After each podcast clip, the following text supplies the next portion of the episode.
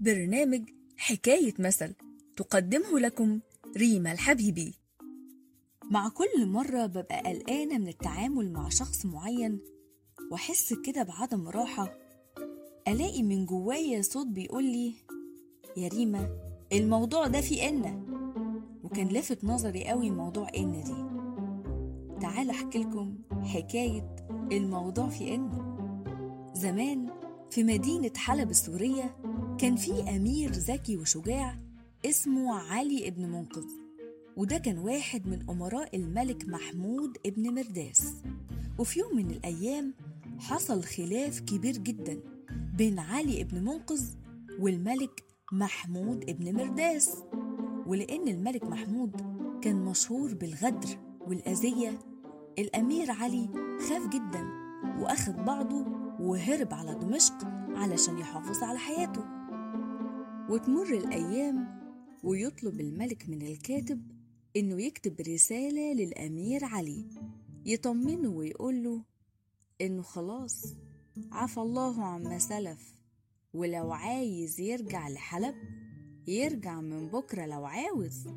ولأن الكاتب كان ذكي جدا وفطن وعارف إن الملك غدار وإن الأمير علي لو رجع أكيد هيتقتل. فتعمد يكتب في آخر الرسالة إن شاء الله تعالى وحط شدة على حرف النون في إن. ولما بعتها والأمير علي استلم الرسالة وقراها استغرب جدا وقال لنفسه معقولة كاتب الملك يغلط غلطة إملائية زي دي؟ لا. دي مش غلطة دي مقصودة. وفهم على طول إن الكاتب بيقوله أوعى ترجع. وفعلا بعت الرد وقال شكرا يا سيد الملك أنا خادمكم الأمين.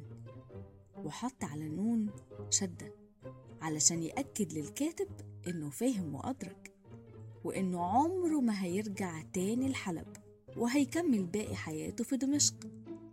ومن ساعتها وبقت إن الأشهر على الإطلاق في الشك والريبة مع إنها على الأصل أنقذت حياة الأمير علي ابن منقذ.